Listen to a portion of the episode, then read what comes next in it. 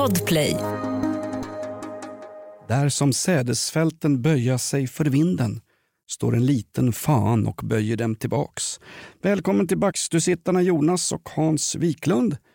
Eh, vi tar upp aktualiteter, banaliteter. Ja, nu säger du Hans att du tar inte upp några banaliteter. Nej, jag försöker undvika det i görligaste mån och det Ja, fast- gör väl inte i den här podden. Banalitet är en som kliché också. Nej, men det Att säga någonting som är helt oviktigt och kokettera med det. Jag, tycker det, jag gillar inte det.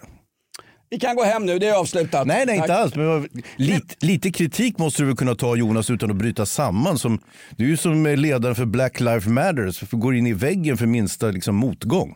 Hon dyker nämligen upp i, eh, det här är en riktig P3-övergång. In på vågrätt 4, 12 bokstäver ska klamydia. Eh, Nej men, Det heter de väl inte? nej, men när jag säger det banaliteter Hans, så säger du att nej det har vi ju inte. Det avgör ju för fan inte du, det avgör väl publiken. Aha. Va? Det är väl de döda på våra äldreboenden som avgör om coronastrategin var verksam eller inte. Jo, jo, jo, men vem ska höra dem? Ingen. Nej. Vi ska dessutom berätta om fleravsnittsprincipen. Vi har ju sökt flockimmunitet för den här podden. Nu, nu kommer vi in i fleravsnittsprincipen. Vi har nämligen varit i en hård löneförhandling med Jonas Lindskov som jobbar är det Wallen...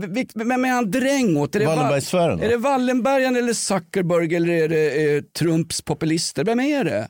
Lite alla möjliga. Lite alla Ja, möjliga. Nej, stopp, stopp. Lite alla möjliga ska det vara. Nu är det Sverige 2020. Ja, men vi har en del annat kul också. Vi har ju till exempel Moderaternas eh, kriminalpolitiska talesman Johan Forsell, han den där snygga killen Jonas. Han ser ut som politikens Ken-docka. Ja. Är inte han gammal Norrlandsjägare faktiskt? Han stred mot eh, samer och eh, renar uppe vid K4. Var det han som höll tillbaka samerna?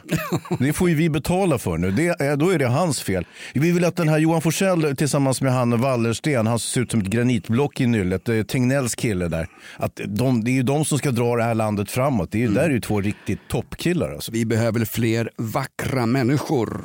De fulaste i landet börjar nämligen jobba med radio. Ja, eller podd också en del. eh, podd. Jag tror att Johan Forsell också, eh, det här avsnittet till- tillägnar vi nämligen Moderaternas rättspolitiska talesperson som är han igång på Damberg alltså. Sopar ju på. Damberg ser ut som en sandsäck med sin gamla knytbusattiralj. Ja, så gör. Och, men eh, Forsell han, han, han sluggar vilt nu. Han vill att man ska kunna gå till attack istället. Han, vi pratar om självförsvar, men han vill att man ska kunna gå till attack och slå någon innan man blivit slagen själv. Det kallar jag självförsvar. Hellre förekomma än att förekommas. Citat. Eh, Winston Churchill. det chansar du alltid på. ja, ja, men det brukar vara Nej, rätt. här var det faktiskt Marianne Lindberg De Geer. Ja, anfall är bästa försvar. Just det, eh, den enda människa i Sverige som hatar när det är fint väder och sol. För hon sa i en intervju i veckan att eh, jag är konstnärssjäl. Jag sitter inne på dagarna och jobbar. Lyfter bidrag heter det. Hon sa att hon hatar vackert väder för då får hon dåligt samvete när hon sitter inne och jobbar vid skrivbordet. Ja, precis. Ja. Samma sak gäller ju Linda Skugge givetvis som har presterat eh, månadens recension. En total avrättning av en döende person. Och eh, vad hade vi mer för någonting? Det är inget fel med avrättningar, citat Heinrich Himmler. Varför sa du det till DNs killar? Ja, men därför de, hur kan de samlas innan vi ens har hunnit börja? Välkommen till podden Off Limits. Här får du aktuell samhällsdebatt, yttrandefrihet och ett gammalt torp som Esbjörn äger upp eh, vid Roslagskusten men som försöker bli övertaget av Ebba Busch. Ja. Hon får ju skaka galler istället eftersom hon har förtalat en advokat. Men eh, när hon väl är klar med det, då kan hon flytta in. Absolut. Eh, Vi kämpar på och dessutom tillägnar vi det här avsnittet till alla de offer för löpande bandet vid Kronfågel. Vi ska granska Kronfågelhärvan också när det var hönsbajs på munskyddet på personalen. Ja, rena hönsgården va? Rena hönsgården. Upp på pinnen! Det här är off, upp. Det här är off limits. Vi är på rätt spår nu eftersom nu Bergman börjar skaka på huvudet. Vi ska också gå in på Bergmans misslyckade yrkeskarriär också. Han har kommit tillbaks hit en fan. Ska sopa. Nu kör vi! In med kanylen i venen. Nu åker vi. Det här är off limits, våran podd. Varmt välkommen. Är du känslig? Sluta lyssna nu.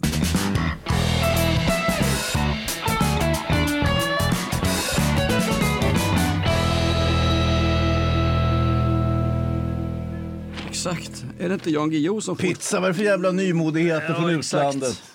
Spelas det här in, eh, Oliver? det gör det. Bra. Ja, nej, vi ska ha nya tekniska lösningar i studion, men jag vet nog vad tekniska lösningar är. Och det var ju så andra världskriget eh, slutade och började faktiskt samtidigt. Ja, du tänker på V2-raketen som skulle skjutas från Berlin till London? Nej, inte från Berlin. Den sköts ju Nej, den från, sköts ju från norra Tyskland. referens. Nej, från eh, norra Belgien, i områdena runt Antwerpen. Hinner vi prata om det här? något? Nej, jag tror inte det. Det är andra världskriget. Det är ju nämligen portförbjudet numera. Ja, eh, Oliver Bergman, tillbaks från din lilla utflykt. Du sökte jobb på ett produktionsbolag som gör Babel på kultur-tv. Och hur gick det tycker du? Du, satt, du hamnade tillbaks till oss. Hörru. Ja, de, eh, de kollade upp vad jag hade jobbat med. någonstans. Åh fasen. Kom det ut att, eh, att du hade jobbat med eh, Off Limits-podden? Ja. Stackars människa. Försöker... Ja, den, den förklarar du inte bort hos eh, kulturvänstern. Gör som Peter Hultqvist, försvarsminister. Gå igenom alla papper om den amerikanska avlyssningen via Danmark och sen bara låtsas som att jag inte visste om det. här. Det är klart att Hultqvisten, dalmasministern och försvarsministern visste om att han är påpassad. Ja, men det- ingår ju i deras jobb. Ja, vad skulle annars olika stater finnas för om det inte var till för att spionera på varann? Ja. Kan man säga att du är Oliver Bergman, demonproducent Karol Lindskovs lakej? Kan man säga att du är som den där belarusiska avhopparen som i frid och fröjd satt och bloggade och sökte jobb i Berlin och så skulle han åka och hälsa på någon i någon baltstat och boom så kommer det upp stridsplan och tvingar ner honom i Hjällbo utanför Göteborg där det är Nej, nej. vild skottlossning. Nej, Ja, jag tror att det var i Belarus som blev nertvingade. Ja, men de sköt ju folk i Hjällbo, det är inte okej. Ja, Nej, det är det faktiskt inte. Välkommen tillbaks till oss Oliver, han skakar på Ja, huvudet. efter den här lilla ska vi, kalla- odyssén som du företog dig och som slutade så olyckligt. Men det är roligt att ha dig här också, Bergman. Verkligen. Som också är släkt med Ingmar Bergman. Det är ju därför han fick det här jobbet till att börja med. Ja, faktiskt. Han är ju han som är, inte funny i Fanny och Alexander, det är han som är not so funny i Fanny och Alexander. Ja. Bergman är tillbaks eh, och eh, här sitter vi två glada backstusittare med tidens tand som enda reglemente faktiskt. En podd som bygger på yttrandefrihet, bla bla bla, Körsvi, Charlie Hebdo, armkrok med Stefan Löfven i Paris, bla bla bla, islamistiska Mm. We terrorister. Resten är värre än skottlossningen i Hjällbo. Du, det är svårt att snacka bort det här med Sluta skjuta-kampanjen i Malmö. Det har varit dödliga skottlossningar i Sverige varje dag hela veckan. Och jag Ja. tycker det är fruktansvärt. Men det här måste ju upp till ytan Hans. Ja. Tänk, Ja. tänk dig mötena på Brå just nu när de sitter och ska trolla bort de här siffrorna också. Det är ju ganska svårt. Regeringen hade ju beställt eh, från Brå en eh, jämförande rapport, en analys av skjutningar i Sverige i förhållande till skjutningar i andra länder i Europa. Inte alla länder, men några länder. Och då stod det ju svart på vitt här i Brås rapport att Sverige var ju överlägsen ledare i skytteligan. Ja. Och då så hade regeringen också bett, och det här är ganska ovanligt, att man ber Brå att göra någon form av liksom analys och slutledning. Vad kunde det här bero på och så vidare. Är det bara slumpen? Är det ren otur? Eller kan vi skylla på någon annan? Det, det normala är att man skyller sådana här scenarion på andra. Men nu, nu är det lite svårt då, för att det här har ju då hållit på under nästan 20 års, eh, 20 års tid, den här utvecklingen. Och det, det är så många regeringar som har varit med och kladdat i det här. Så att alla är ju skyldiga, men alla kan också skylla på varandra. Ja, så fort Damberg säger någonting, ja det här sa vi redan för 15 år sedan och då var det en borgerlig regering och så sitter han Forsell som Mm. glider upp som en riktig, han går nästan in i EM-truppen istället för Zlatan. Satan vad viril han är den där Forsell. Riktigt, och han är jäkla liksom argsint och skäller och rya på allting. Det senaste var att han ville öka på rätten till självförsvar. Det vill säga att man ska kunna mer eller mindre slå ihjäl folk som ger sig på en själv. Det vill säga öka spannet, eh, alltså våldsanvändningen om man själv blir utsatt för våld.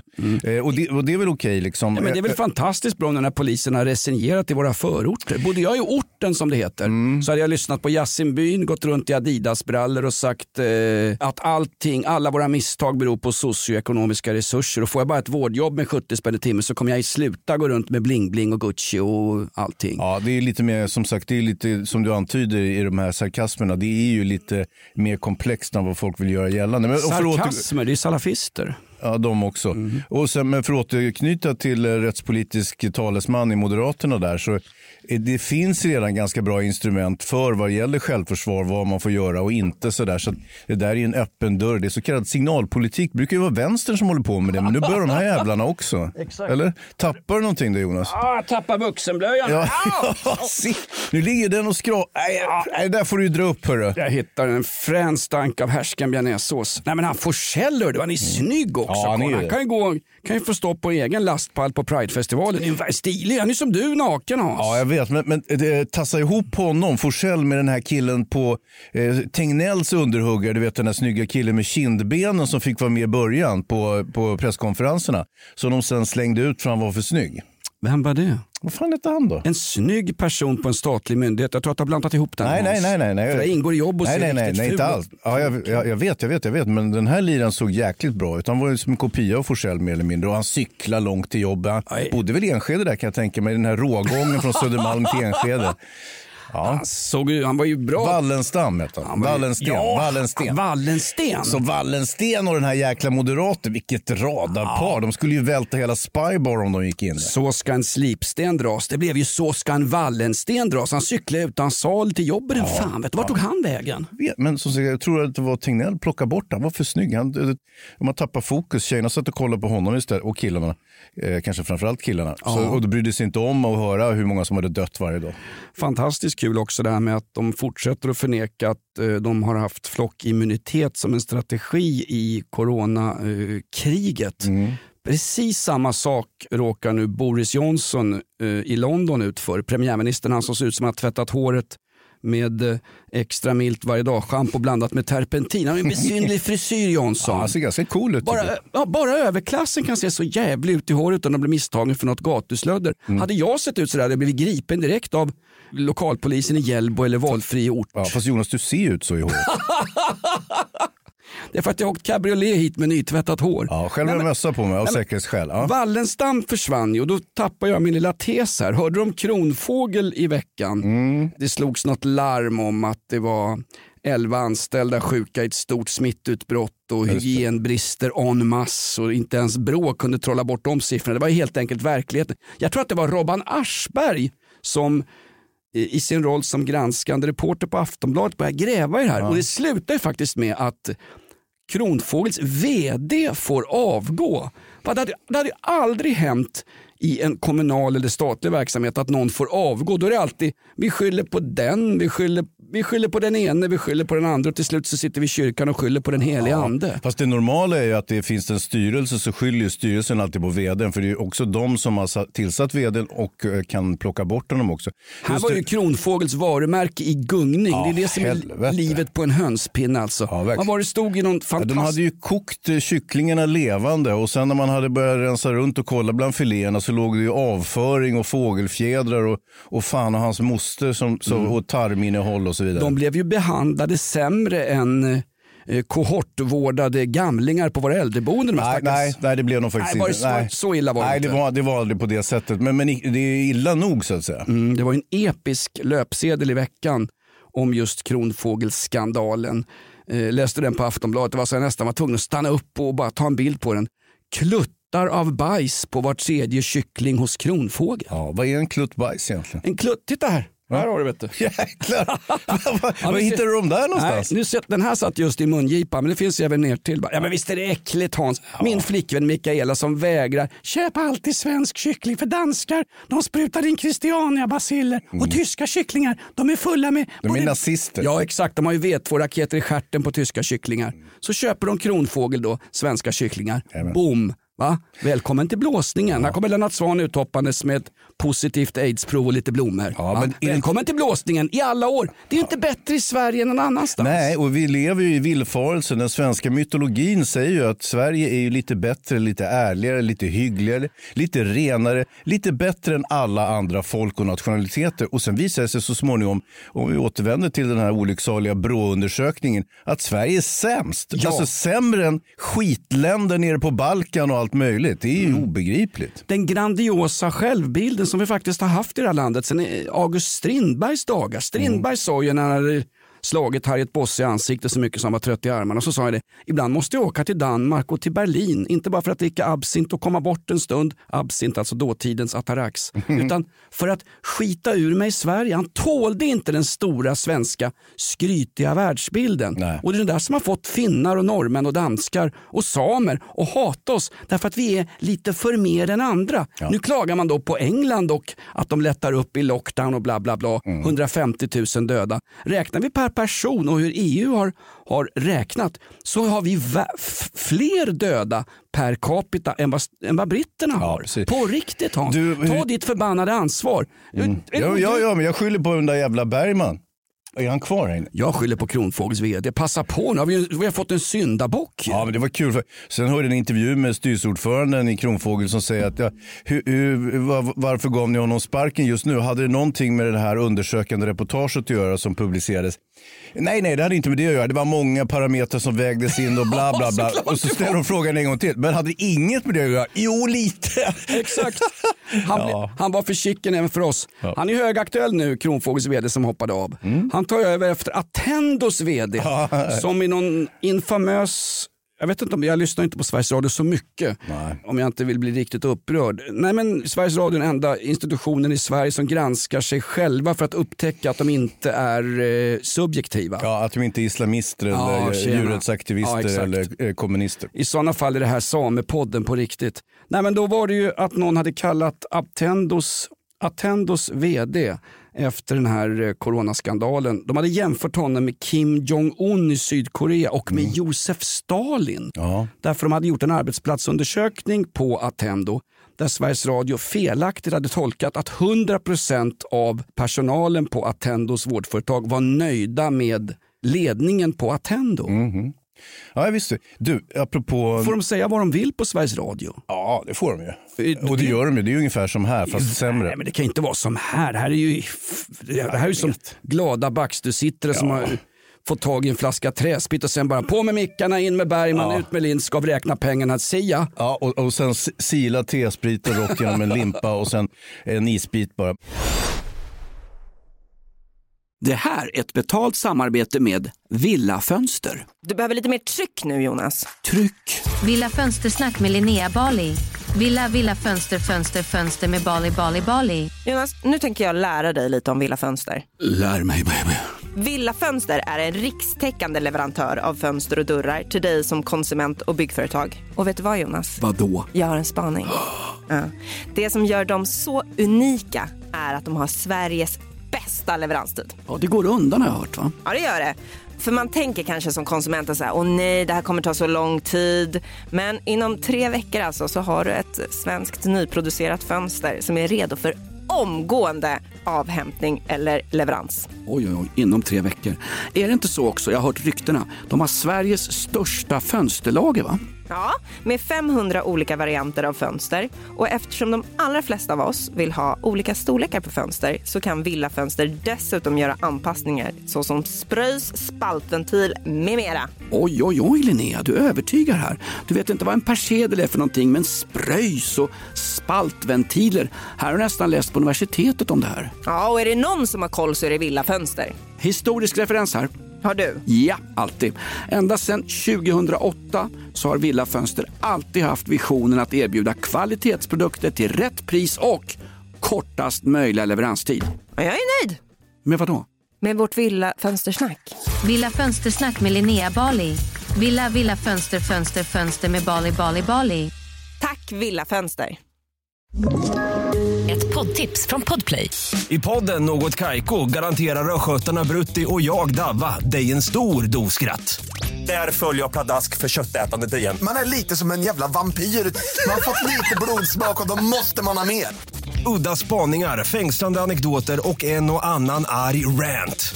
Jag måste ha mitt kaffe på morgonen för annars är jag ingen trevlig människa. Då är du ingen trevlig människa, punkt. Något Kaiko, hör du på Podplay. Därför är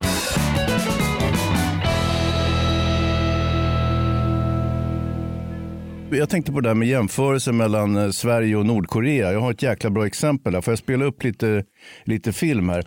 Det, Spela vad du vilt, helst köttflöjt. ja, men det handlar ju om, eh, du känner du till det här Black Lives Matter? De har ju en egen svensk organisation som är nu med på bit- Men varför bidragssidan. säger du Black Life Matter? Black Lives Matter, det är ju flera. Är det flera? Ja, det beror- Inte i Sverige? Det beror på Jag det bara...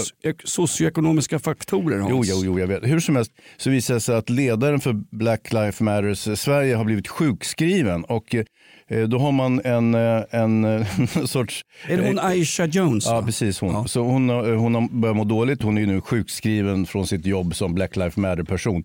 Och eh, det här då ska ju då offentliggöras i eh, någon sorts nyhetsbulletin från BLM. Och jag tänkte, eh, nu ska ni få höra lite grann hur det låter, hur det kan låta. Grundaren av Black Lives Matter Sverige, Aisha Jones. Hon har sjukskrivit sig. Varför det, undrar ni? Jo, på grund av den rasism som hon konstant får utstå i Sverige. Ja, så där kan det låta då. Och eh, det var ord och inga visor, eller hur? Ja, verkligen. Och eh, då har jag samtidigt en bulletin från nordkoreansk tv här som jag tänkte spela upp som låter lite lik faktiskt. Ska vi få höra. 최근 군사분계선 비무장지대 남측 지역에서 발생한 지뢰 폭발로 남측 군인들이 부상을 당한 데 대하여 Ja, det hör ju Jonas. Ja, jag läser texten för fullt här. Ja, men det är ju ungefär samma innehåll var det. Det handlade om Aisha hade blivit eh, sjukskriven PGA-rasism, alltså som en åkomma. Då. Jag antar att vad de kanske menar är väl att de har fått utstå massa hat och hot och, och förolämpningar och otrevligheter i sociala medier och därför har hon liksom blivit så ledsen så att hon har blivit sjukskriven. Just det, hon har gått in i den så kallade väggen va? Ja, fast det, de vill inte uttrycka det så utan hon har blivit sjukskriven på grund av rasism. Och det är ju polit, politiserad sjukdom så att säga. Okej, men var det inte samma sak med han Fredrik Federley? Jag ska inte ta upp honom i den här podden därför att LRF har bett oss att inte göra det, det gamla, Ja, de sponsrar oss. det gamla bondeförbundet. Eh, nej, men han sjukskrev sig när trycket blev för mycket på hans eh, stående på alla fyra kompis i laggården. Där. Han, eh, Men det var inte så att han var sjukskriven på grund av pedofili, eller hur? Nej, men eller var- skulle man kunna säga det? han var ju ut, sjukskriven. Utskriven? Förlåt mig, freudiansk felsugning. Han var inte utskriven, han var, han var sjukskriven på grund av att hans sambo hade torskat för en massa barnpornografibrott och det här kom då ut i media. Mm. Men faktum är, någon vecka senare så var han inte sjuk längre. Då skulle han ställa upp i kyrkofullmäktigevalet i Gagnef. Ja, precis. Men han de frisknade inte... till där. Ja, men det är ju skö... Men det är ju som de som åker in på rättspsyk eh, på sluten, eh, sluten rättspsyk och med särskild utskrivningsprövning. De kan ju kvickna till alldeles ofantligt fort. De kan... alltså, men den här personen har ju mördat en fyra, fem personer och sitter nu på rättspsyk. Men har ju visat sådana jäkla framsteg här med rätt medicinering och terapi och, och, och fika med överläkaren. Så är han ju snart ute igen. Ja, och så kan han få jobb på löpande bandet vid Kronfågel och ha hand om alla tuppar som kommer åkandes. Ja, eller ska vi ta det här sjukvårdsbolaget i Vasaparken där istället, Attendo? I Vasaparken. Ja, det ligger där. Sabbatsberg. Ett sjukvårdsbolag i Vasaparken ska du plocka upp i påsar Hans. Du har ju gått och blivit hundägare på äldre dagar. Ja, jag har lånat hund lite, lite till och från. Jag försöker vänja mig vid tanken på om jag skulle klara av att ha ansvar för en annan eh, levande varelse. Jag provade med barnen, gick ju sådär. Gick sådär enligt Ja. socialtjänsten i Vasastan. Ja, så. Nej, men du, det här med att du provar att ha lånehundar och sånt. Mm. En bra grej med det är att du frågar gärna de där hussarna och mattarna i Vasaparken om du får låna deras hundar. Du tar ju bara tag i kopplet och rusar iväg. Jo, jag vet, men jag, sen går jag ju tillbaka med den när jag tröttnar. Ja, jag har en kompis faktiskt vars hund blev rejält påhoppad på riktigt i Hagaparken här för en vecka, tio dagar sedan. Jaha, mhm. Eh, Det kommer en snubbe i lykra joggingkläder och så har han midjebälte med kopplet fästat i midjebältet. I sitt eget... eh, Mm, Ja, mm, mm. och det är en Staffordshire terrier och min kompis tänker det här ser inte riktigt bra ut liksom. Ja. Och han är fullt upptagen med löpning, inte vovven utan hans husse. ja.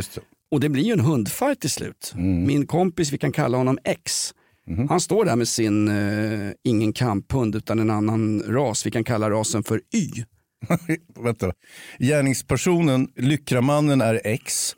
Eh, målsägarens hund är Y. Min polare är X, Aha. hans hund är Y. Okej, och Lyckramannen då? Han är Lyckramannen. Ja, just det. Mm, det är en löpare i... Jajamän, okej jag är med. Ja. Fortsätt. Och det blir en stor jäkla hundfight och det slutar med att eh, min kompis X hund Y Mm. biter nästan hål i örat på den där kamphunden. Oj. Och han står efteråt, du absolut sorry, ska vi byta mobiluppgifter? Ska vi byta hund tror du säga. Ska vi byta fru? Det är swingers här i Hagaparken. Nej, men då säger han, "Eh, ska vi byta uppgifter för det där behöver vi åka till veterinär med. Löparen då, Lykramannen. Ja, ah, nej, jag, eh, ah, min vovve får nästan skylla sig själv. Du. Det här har hänt förut. Jaha, tänker min kompis. Det här är en lirare som inte vill anmäla någonting. Det ska inte finnas ett papper på det här. Därför att det har hänt tidigare. Här blir det lex Unni Droge. Ja. Eh, Kändisdebattören som fick sina hundar omhändertagna för de sprang också eh, lösa och anföll folk i allmän oordning. Men här sprang det inte lös. Lyckramannen satt ju fäst i hunden. Lyckramannen satt fast i hunden men när hunden rycker så, så drar han med sig den här spensliga joggaren så att det blir en, en, en konfrontation. Och då hände min kompis X gått upp en bit i skogen för han ser på håll när den här gläfsiga Staffen kommer att det här är en hund som husse, matte, det vill säga Lykramannen, inte har kontroll över. Ja, ja, jag fattar. Så att tänk på det Hans. Ja, jag ska göra det, men ju- som sagt, jag vill ju gärna ha en kamphund. Det passar ju min image, eller hur? Ja, vad är det för en image du har Hans? Ja, men du vet, eh, lite sådana, vad heter den här, de här eh, knasbollarna i USA som sprang in i Kapitolium? Hans Wiklund, Jonas Nilsson. Ja, inte, inte just de två, men vi ingick ju något större. Va, va, Är det Quanon? Ja, Quanon. Precis. Ja, exakt. en en Quanon-person med en kamphund, vad tror du om det? Ja, en kamphund kräver ju så mycket mer i omsorg. Det är ungefär som när Lindskov går in och poddar DN-podden och sitter han här och så låtsas skrattar han. Men att gå in hos oss, det är liksom som att eh, pudelterriern Lindskov får sitta med två bastanta oborstade löptikar som du och jag. Det är ett annat jobb. Det är ju faktiskt det. Ja. Det är ett riktigt jobb skulle jag säga. Det där med DN vet jag inte. Jag vet inte vad det är för någonting ens. De kommer efter oss. Gör de? Ja. Det är DN som har råkat lite illa ut på slutet här. De har ju sparkat en av sina vad heter hon, en av sina vetenskapsreportrar för hon hade en helt annan ton. Världsbild. Nej men hon hade ju en helt annan syn på svensk coronahantering än vad då DN hade. Hon eh, i stort sett lydde ju översteprästen Tegnell, alltså han som är riddare av första coronagraden och den första försvararen vid eh, nationens gränser när det gäller coronabekämpning. Obs ej äldreboenden, det var ju undantaget. Nej men hon åkte ju ut, vad heter hon, Amina Mansour heter hon. Jaha, okej. Skrev ju en bok om pandemier. Aha. Och så sattes hon i frysboxen för att hennes man satt och twittrade lite olikheter eller andra ja. åsikter än vad DNs ledarredaktion hade. Så hon hamnade också i DNs klassiska frysbox där även eh, han eh, Köhler har suttit. Ja, och den här snygga Wallensten på Mm. Folkhälsomyndigheten, är han där också nu? Där har du, Vänta, var det han med lyckrakläderna och hunden förresten? Han, är han cyklar ju överallt tydligen. det kan det ha varit faktiskt. Ja. En som åkte ut med huvudet före också för att tala om eh, Dyk. eh, Wolodarski. Mm. Nej, men han, eh, vad var det han pratade ut om i veckan? Patrik Sjöberg, Ja, mm. höjdhopparen som, eh, vad var han sa? För två år sedan slutade jag dricka. Nu har jag lite problem med årtalen, jag är som en kohortvårdad på ett äldreboende. Nej, men Mm. Han sa, för två år sedan slutade jag dricka. Jag har sparat, har jag räknat, 800 000 spänn. Ja. Krökade han upp 400 000 spänn, Patrik Sjöberg, det är inte bara en studsmatta i höjdhopp. Det måste vara svenskt rekord i att dricka. alltså. Ja, men jag har Drack faktiskt, han finvin i den fan? nej, jag tror faktiskt inte. Jag har räknat på det. Jag har, jag har ju en bekant kan vi säga. Kan kalla honom Y. och jag frågade Y vid något tillfälle. Du, ska vi gå ner på Rish och ta en eh, bira? Rish, alltså anrikt eh, ställe mitt i centrala Stockholm. Japp, jätte- Skapat av Tore Wretman. Ja, jättefint ställe. Och, eh, och då säger han så här. Så jävla fint ja, men det är det skulle, inte. Jo, men det är hyfsat fint. Och så säger han så här. Ja, du vet, jag har inte råd. Va? Har du inte råd med en bira? Jag kan, jag kan bjuda dig på en bira. Jo, jo, men du vet, jag räknar ju. Om jag ska ta en bira, då dricker jag tio bira. Sen beställer jag in skumpa. Sen när jag beställt in skumpa, då ringer jag en kille i Brandbergen så får han komma med ladd. Och då höjer han upp i 15 000. Och när jag dragit laddet, ja, då, vill, då ringer jag de här, då går jag upp på Grevgatan till de här tjejerna som säljer. Och, och eh, så kostar Står det... bakom en italiensk kändiskock. Precis, och han står och prutar, men det gör inte jag. Utan jag lägger upp 3000 bank sådär på bordet bara.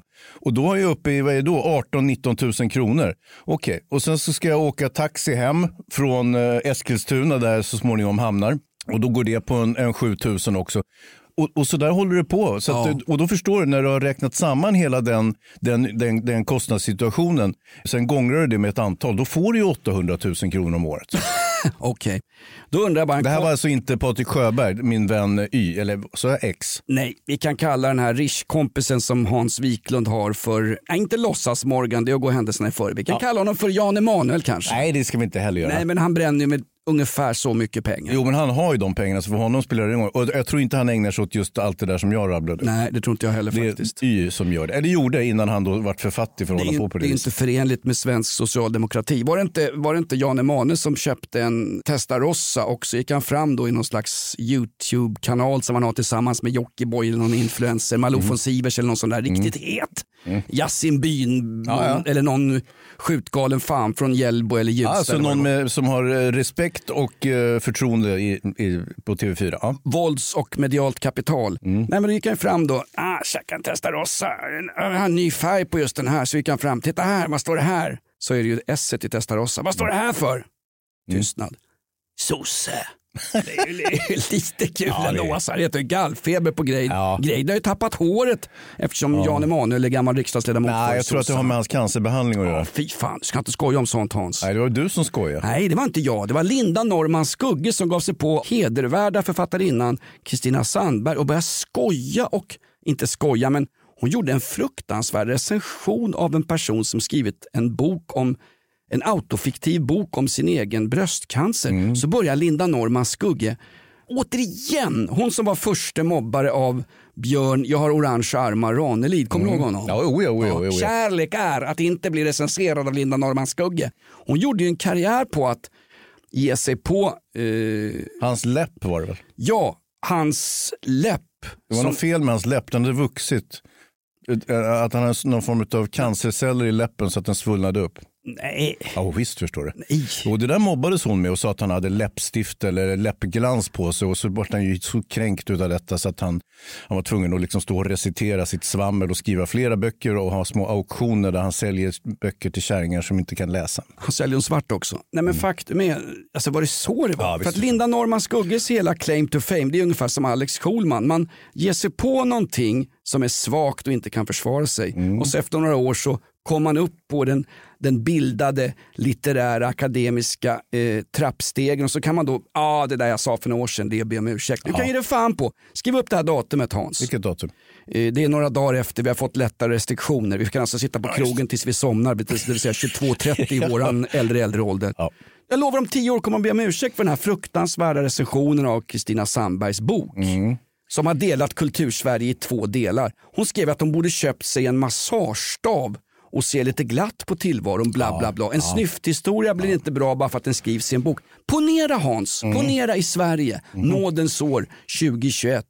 Eh, coronapandemier och Löfven och eh, svetsministrar. Ponera att en man, en man, ingen lykraman, en vanlig man hade skrivit. Alltså en person som identifierar sig som man eller alltså en man, biologisk man som man brukar säga. Alltså, för det finns ju biologisk man, sen finns det ju icke-binära, sen finns det ju kvinnor som identifierar sig som män och sen finns det de som opererar sig från kvinna till man, eventuellt opererar sig tillbaka igen.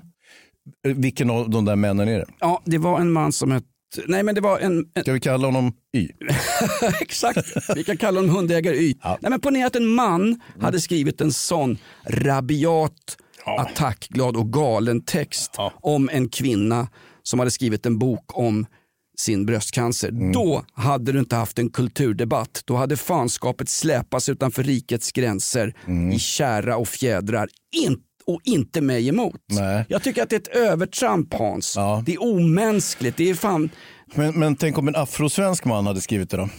Men de får vi inte skriva inne på häktet va? Jag tänker på Yasin Byn. Han, Ja, han är ju litterär nu. Han är ju aktuell för att vara med i var, var fan är Bergman? Han ska vara med i Babel ju. Han har skrivit någon bok. Han är, ju, han är ju Sveriges Yahya Hassan. Den här danska poeten som hyllades unisont Mm. av en dansk uttråkad medelklasspublik som aldrig någonsin hade varit i orten men ändå stod och tjafsade om öppna gränser dygnet runt oavsett socioekonomiska faktorer. Mm, Ja, just det. Precis. Ja, men jag, jag kan hålla med dig. Och, eh, samtidigt så var den där recensionen som Linda skrev. Det här blev ju allvarligt nu. Ja, men recensionen som Linda skrev var ju faktiskt väldigt underhållande. Och hon har ju också, hon är ju lite knäpp va? Och är väldigt förtjust i så kallad sicklit, det vill säga eh, litteratur om och av sjukdomar. Så hon kan ju genren. Och då tycker jag att är, är du så pass liksom kunnig som hon ändå är på just, på just det här området och den här genren, då kan man väl ta ut svängarna lite grann. Sen är det klart att, att det blir onödiga poänger av att vara eh, onödigt brutal så att säga. Men det är ju roligare att se en riktig knockout än liksom en halvträff i magen kan jag ju känna. Om man nu får prata kampsport. Jo, men ska vi ha knockout-regler när det handlar om sjuka människor som skriver en Nej, vi handlar om författare. Ja, Du kan inte säga att alla författare är sjuka. Nej, men jag säger De inte flesta, absolut. 99 procent kanske. De uppbär bidrag i alla fall ifrån Svensk författarfond och annat. Nej, men jag säger inte det, men jag säger att hon inte recenserar boken. Jo, det gjorde hon ju faktiskt. Nej, hon recenserade och hon börjar ju på ett omänskligt sätt håna den här stackars människan som var svårt sjuk. Ja, jo, jo, jo, jo. Så att det är där går ju, där går ju där går ju som du brukar säga en, en, en fyrbåk mellan vad hon gör och vad hon inte gör. Såklart, men, men jag, tycker, jag har ju givetvis inte läst boken. Däremot så har jag ju läst eh, Linda Skugges recension och den läste jag med stor behållning och jag känner nu, jag behöver inte ens läsa boken. Åh fan.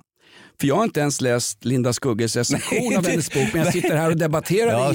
i, i låtsasbabel. Du är ju värre än Göran Greider för fan. Nej, jag är värre än Ola Wenström som Nej. får sparken rakt upp och ner ifrån Nent, det vill säga via satt. Han fick inte ens slutföra och tacka nej till Champions League Nej. därför att någon tycker att han har en felaktig människosyn. Ja, han är en misogyn jävel. Alltså någonstans, jag vet inte exakt vad någon har gjort, men hur kan det ens vara en stor nyhet att Ola Wenström toppar löpsedlarna i Sverige tre, fyra dagar i rad därför att han har råkat i någon slags handgemäng med Bojan Djordjic och Jonas Olsson, långhårig ganska... Ja, djurgårdare. Ja, exakt, precis. Tack, det räcker. Eh, Och eh, vad heter han? Martin Åslund också. Eh, Sannys grabb. Sannys grabb, precis. Sanny Boy, vilken skoj. Eh, Att han fick sparken. Hur kan det ens bli en stor nyhet? Är det för att det, är för att det gör med att han då enligt uppgifter har svårt med kvinnliga kommentatorer? Ja. Det är förbannat, den uppgift, att Ola Wenström ska få sparken, det blir större i mediaankdammen Sverige än en dödsskjutning i Hjulsta. Och det äcklar mig mer än vad eh, Linda Norman Skugges inhumana recensioner äcklar mig faktiskt. Därför att man får skilja på, på, på vad som är På stort. verk och person. Ja, där har vi det. Va? Snart får vi spela Paolo Roberto singel i radion igen. Underbart. Och läsa hans böcker. Exakt. Mein Kampf. Vad Snart- var det skrivit? Nu är den kokta pastan al dente. Ja. Nej, men det var också en märklig sak att det blir en jättenyhet. Mm. Ja, det är lite udda, men han har väl liksom kanske, han har väl fina ingångar på Expressen. Ola är, är i min bok, med, mig har han inte varit misogyn mot, delvis för att jag aldrig har identifierat mig som kvinna i närheten av honom, men han, han och jag gick ju på samma radiosportsutbildning. Oj, oj, oj. Det var han och jag, det var Lasse Granqvist, det, det var en hel del andra. Örjan Ramberg och Nej, Brunnberg. Det var en nej, jävla soppa inte av de där misogyna jävlarna. Nej, människor. nej, nej, det var bara vanliga sporträvar och så hade vi liksom old school gum, gu, så här, Strogga, eh, eh, Strömmer, vi hade Peppe Eng och sådana som lärare. Säger du Bosse Hansson nu så byter jag podd. jag, Bosse ska nämligen- Hansson. jag ska jobba som konsult på Ja, hans Waldorfskola norrut. Ja, Bosse var förbi någon gång på, i våran klass och sa vad är det för jävla gamla killar? Väste han och så gick bara vände han i dörren. Vi var, ju, vi var ju 20 år hela bunten. De här är ju för fan i skolåldern, har Ja. ni ljugit för mig? Ja, så det. Frid över hans minne. Nej, men vad jag bara Nej, menar men är... har Bosse Det- bort? min, min, varför pratar jag om det här? Jag. När, jag, inte, när jag säger till mig själv att det är en förbannad icke-nyhet. Jo, Mm. därför att det är väl typiskt att en sån här nyhet, Ola Wenström, om man ska få sitta och påa Champions League-finalen i fotboll eller inte. Det är klart att det blir en jättedebatt i den här, det här träsket, Mm. det här mediala lilla glory hole-hålet som vi tittar in i. Mm. Det är alltså större. Det är en större nyhet om Ola Wenströms förehavanden på ett tv-bolag när han sitter och påar och avar eh, utländska fotbollsmatcher. Det är en större nyhet än att vi var värst i klassen när det gäller eh, skjutningar. Det var ungefär två dagars debatt. Ola Wenström har väl på i en tre, fyra dagars debatt i våra största medier, det som folk läser. Aftonbladet, Expressen, GT och Kvällsposten. Och dessutom har de ju helt mörkat till exempel fiaskot i VM-hockeyn. Det största, mest eh, häpnadsväckande fiaskot någonsin. Sverige har aldrig presterat så uselt i något VM någonsin. Det tycker jag kanske man borde ägna några sidor åt istället för att liksom ge sig på Ola Wenström. Som, precis som du säger, han påar och avar. Hej och välkommen, hej då, ungefär som vi gör på radion. Ja, det är, icke, det är, Det är en- ingenting. Det är ingenting. Han saknar dessutom personlighet, alla former av personlighet. Det Förutom då att han är misogyn, men det är inget som har glänst igenom i tv direkt. Utan det är ju någonting som de har upptäckt inne på kontoret kanske. Som för övrigt har en tradition, det här nämnt, av, av en misogynitet och liksom behandla folk som skit hit och dit. Okej, tänker du på Nunstedt, en av, ledarfig- en av ledarskiktet i Nürnbergrättegången svensk media? ja, ja. Han kan ta en cyanidkapsel. Nej, men det, är han som har, det är hans gamla kompis, han gav ju jobbet till Ola Wenström från TV4. Ja, han verkar skurit sig där. Det är som mellan Yasin Byn och hans, hans kusiner eller vad fan det är som han råkat i luven på och börjat skjuta. det verkar ha omskurit sig som på Västbanken kanske. Ja. Nej, men jag säger bara att eh, vad som än har hänt, hur, hur kan det vara en nyhet? Och sen ska han då twittra twittra om det, bla bla bla. Hans halvtokiga madam Lotta blandar sig och lägger ut åt Instagram. De försöker tysta Ola. Hallå! Du för fan! Jag påar Def Leppard och gamla Metallica-låtar varenda morgon. Det är väl ingen fan som bryr sig om mig och min pizzadeg till arsle. Men där blev det någon slags oh, en jättegrej. Därför att det är deras egna kompisar. Ja, Snart kan- sitter han och bölar ut i armkrok med Linda eh, Skugge. Eh, I TV4s morgonsoffa med en alkoholstinn Steffo Törnqvist och hon som ramlar pladask jämt som du tycker är så trevlig, Jenny Strömstedt. Ja, bra tjej. Rant over. Jag, Ja. jag, jag representerar för fan med allmänheten. Men här, att, Hans. att, att, att uh, Ola Wenström-gate, att det fick sånt utrymme i den här podden också, det är häpnadsväckande. Kan vi klippa bort allt det här? Jag skäms. Ja, Jag jag skäms. Jag är som, eh, jag säger som Sigrid Combys. Nej, nej, du kan inte dra upp Sigrid Combüchen nu när, när vi är så långt nere i träsket. Har jag nämnt henne? Ja. Du hade ju rätt, hon är ju mycket mer en, en recensent av stora författare än vad hon är konstnär. Har, har Jag du gått- kollat upp henne nu för först? Ja, du har jag- pratat om henne i åratal, vet var- inte ens vem det är. Jag var ju tvungen att googla fanskapet. Vet. Ja, ja. Hon är ju, ah, herregud, jag har haft fel i alla år. Klipp bort, bryt mig! Jag är som Ola Wenström, skicka ut mig rakt ut. Ja, precis. Det är kvinnornas fel. Kommer in på jävla affirmative action här på podden och, och lägger in Sigrid Combüchen hit och dit. Jag vill sjukskriva mig som Aisha Jones för omvänd rasism. Jag är nämligen heteronormativ. Eh, Ja, så normativ är du inte Jonas.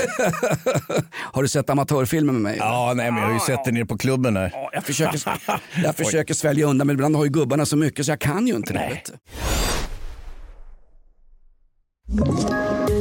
poddtips från Podplay. I podden Något Kaiko garanterar östgötarna Brutti och jag, Davva, dig en stor dos skratt.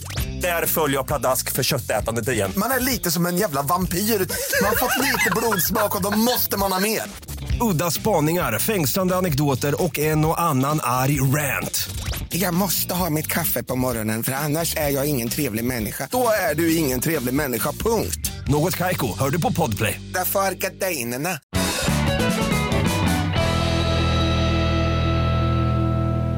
Vad har vi mer Hans? Vi har ju han, eh, på tal om människor som egentligen inte borde få finnas. Ja. Nej men någon som alltid, han är fan värre än mig, han vak. Hur vet man att han, att, hur vet man att Tänker du på Ulf Brunnberg? Nej, nej, jag tänker på en annan Ulf.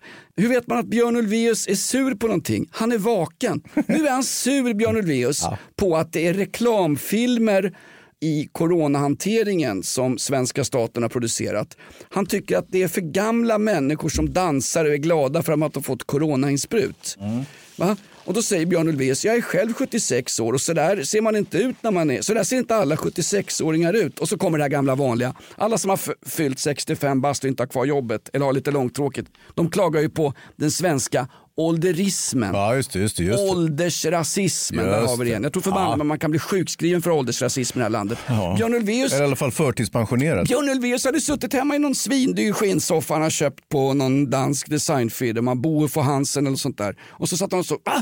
En reklamfilm om hur de gamla börjar leva igen efter eh, vaccinsprutorna. Det där är inte okej. Jag är 76, jag är lika gammal som den där på filmen. Men så där jäkla gammal och gaggig är inte vi. Har du sett de där filmerna? Jag, jag har sett dem, men, men jag tror att de skulle representera vanliga svenskar. Ulveus, han tillhör ju gräddan, eh, Troppa de lite superrika människor. Superrika människor åldras inte alls på samma sätt. Han är ju en Abbas egen Jan Emanuel. Han har ju råd till privatkliniker på Sofiahemmet och nere på Riddarberg. Blodbyten och stamhjälp. Jag har ju, jag har ju läst hans sjukjournal. Jag skojar, det är klart jag inte har. Hur skulle jag kunna gjort det? Jo, jag råkar få en damp ner här på Flashback. Men, Ja, men vi andra vanliga dödliga, vi är ju som tuppar och hönor längs bandet på kronfågel. Det är ju kluttar av bajs på var tredje kyckling. Men han har ju kunnat liksom vårda sig själv. De här Mm. människorna, den här gamla gubben som står och viftar med sina träbockkäppar han har fått av Attendo billigt. Den gubben dansar är glad han har fått coronavaccin. Så får Björn Ulvaeus syn på honom. Nej, så där jävla gammal ser man inte ut när man är i våran ålder. och så där glad är man inte. Och vad gör Björn Ulvaeus då utan att han fattar någonting av att han själv gör det? Det här har vi då, vad heter nu tappar jag namnet igen Hans, jag tappar både tänder, lösblöjor och namn här.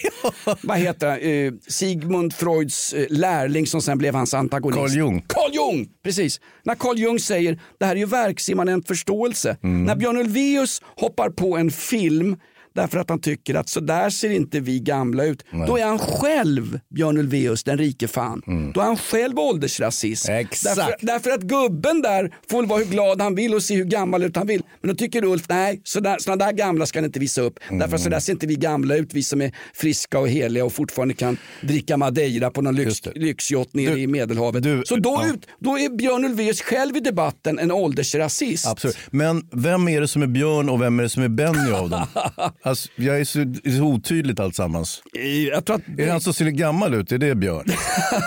han som satt vid pianot och är Han som pol- ser yngre ut? han som satt vid pianot och är polare med Sveriges mest musikaliska köttbulle. Han som numera efter har kört 30 weeks of hell. Ja. Kalle Moreus. Ja, ja, vad ser han ut som nu då? Åsa, gåsa, klockor, klinga. Nej men Kalle Moraeus är ju, han är ju smärt i kroppen nu. Han är, bara, ju- ja, han är ju som jag vet du. Kaggen är borta, han har, han, har, han har siktat sitt eget könsorgan efter alla dessa år med himlaspel och dragspel. Och och vart han glad över det då? Ja, inte. Alltså, ja, det där är ju tråkigt Han gick det till vårdcentralen och kollade vilket kön han var. Nej men Kalle Moraeus polare Benny Andersson, han som sitter ner Mm. Ja, ja, vid ja, jag pianot. Okej, han, är- det, ja, precis. Han, han blandar sig i allting. Det är, Ja. ja, men det är ju det. Är ju det. Och som sagt, eh, sur gubbe är upphöjt i, i hur mycket som helst. Ja, men de skulle bygga något nytt hus på Skeppsholmen, något kulturhus. Då tyckte han att det var arkitek- en arkitektonisk mardröm. Du, åk ut till Hjällbo Ja, där de har du. skjuter folk. Vanliga jobbare i Mjällbo skulle väl skita i hur huset såg ut. Bara skottlossningen slutade på kvällen. Ja, men att de hade armerade fönster åtminstone så att liksom inte skottsalvor och handgranaterna studsade tillbaka och så vidare. Exakt armerade fönster och självskrivande bidragsblanketter av socio- socioekonomiska resurser. Ja. Ja, du, får jag prata lite om eh, kärleksbudskap? är det... Jaha. Det handlar om RFSU. Ja, jag... RFSU har ju kommit med en, eh, en melodi, en låtslinga som är producerad av Cornel Kovacs som är någon form av DJ, musikproducent. Någon, någon big. Han har gjort en musikslinga åt RFSU och den här är då baserad på olika ljud. Som, man har tillsatt eh, en utredning för våra pengar för övrigt. Eh, där, man skulle, där man skulle försöka identifiera de mest erotiska ljuden. Ljud som på något vis skulle kunna stimulera erotiska impulser och så vidare. Och sen så samlade man dem, eh, gav dem till den här discjockeypajsan. Han kreerade någon form av musik till den här. Vänta nu, definiera ett erotiskt ljud. Är det när eh, Eskil Erlandsson går förbi en kennelklubb eller? Ja. Okay. Eh, det kan vara det, men det kan vara någonting annat också. Det kan vara, du vet, en, en... Men går väl igång på olika saker. Jag kan tända när Michaela lägger en riktig Johnny Senap brakprutt i ah, köket. Va, det är exakt det jag säger. Vad fan. Ja. Ja, eh... Vad är det för ljud? Ja, men det är olika ljud. Och men så, säg några då. Men vad fan vad då säger, jag vet inte. Det är en massa olika ljud som man då har implementerat i den här musiken, musikslingan. Musiken låter ju som musik. Det låter tralala, vänta så här. Ah, la, la, la, la, la.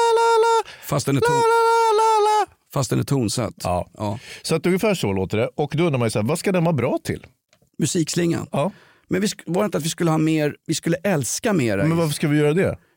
Det är därför att det är bra, folk har väl dött undan i pandemin, vi måste fylla på med eh, Ja, lag. det, ja, det är bättre på nativiteten, är det det du säger? Ja, vi behöver ju arbeta kolonner som likt eh, hönor och kycklingar längs bandet på Kronfågel ska in och malas ner i den så kallade grottekvarnen. Googla det där hemma. Ja, gott folk. livets grottekvarn ja. Livets förbannade tyngdtäcke enligt Salming. Ja, det det aldrig. Men va, va, va, Nej, men jag, jag, jag ställde frågan var en smula retorisk. Det, grejen är att den ska inte användas till någonting den här musiken. Men det vart ändå en stor grej av att RFSU spenderar våra surt förvärvade pengar på någonting. Nu visar det sig att den här musiken ska ligga som någon jävla illustration till en reklamfilm för 12 nya Sensmi-produkter som RFSU ska börja kränga. Och det är väl någon sån här, du vet, som Linda Skugge pratade om, sån här automatisk eh, trosdildo-funktioner och skit liksom. Alltså som ingen vettig människa med, med liksom anständig sexualitet någonsin skulle liksom ens titta på. när du säger anständig sexualitet. Jag vet att det var lite av en motsägelse. Ja, förlåt. Exakt, det finns ingen sexualitet som är anständig. Nej, det står till och med det står ju stora skyltar på Ystads naturistbad. Va? Kom inte hit om du är anständig, klä på dig och gå härifrån. Vad är det med naturister förresten? Du tycker de är snuskiga? Ja, men hörde du om han killen som, hade, han, eh, som gick naken på stranden och råkade, råkade delo med en påklädd badare och så vart det slagsmål? 60-årig naken gubbe, så kallad naturist, hamnar i fight med folk som råkar komma in på Ystads naturistbad tidigare i veckan och nu väntar åtal. Snutens signalement var ju fantastiskt. Ja. Vi söker en 60-årig naken man. Det måste finnas massa sådana under kläderna i Ystads kommun.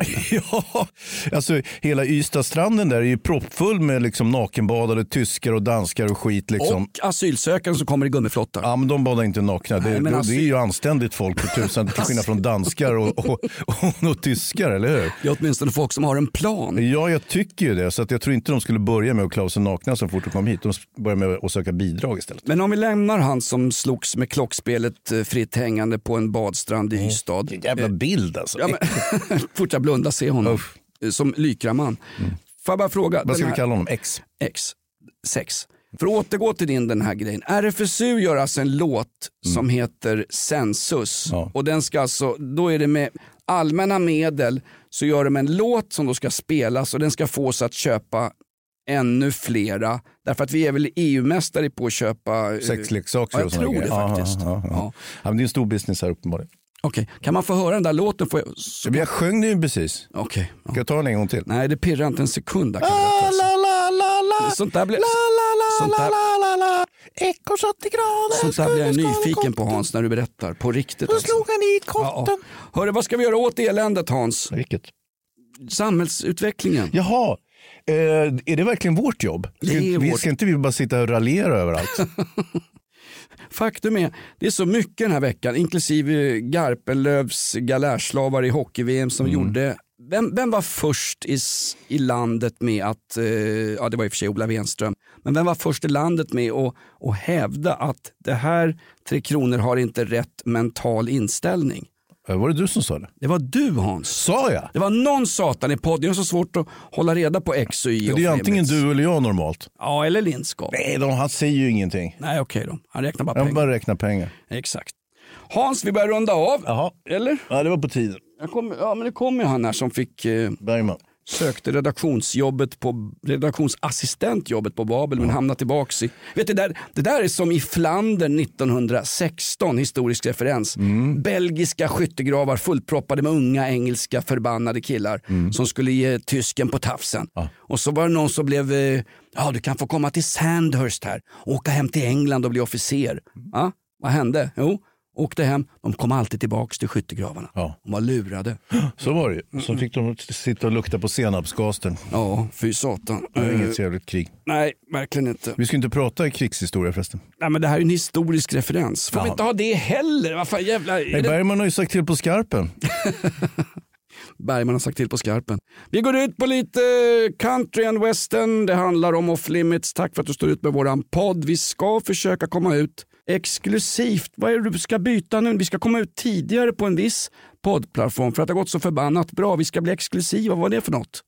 Och den ska släppas som vanligt. Skit, skit i vem bryr sig. Herregud.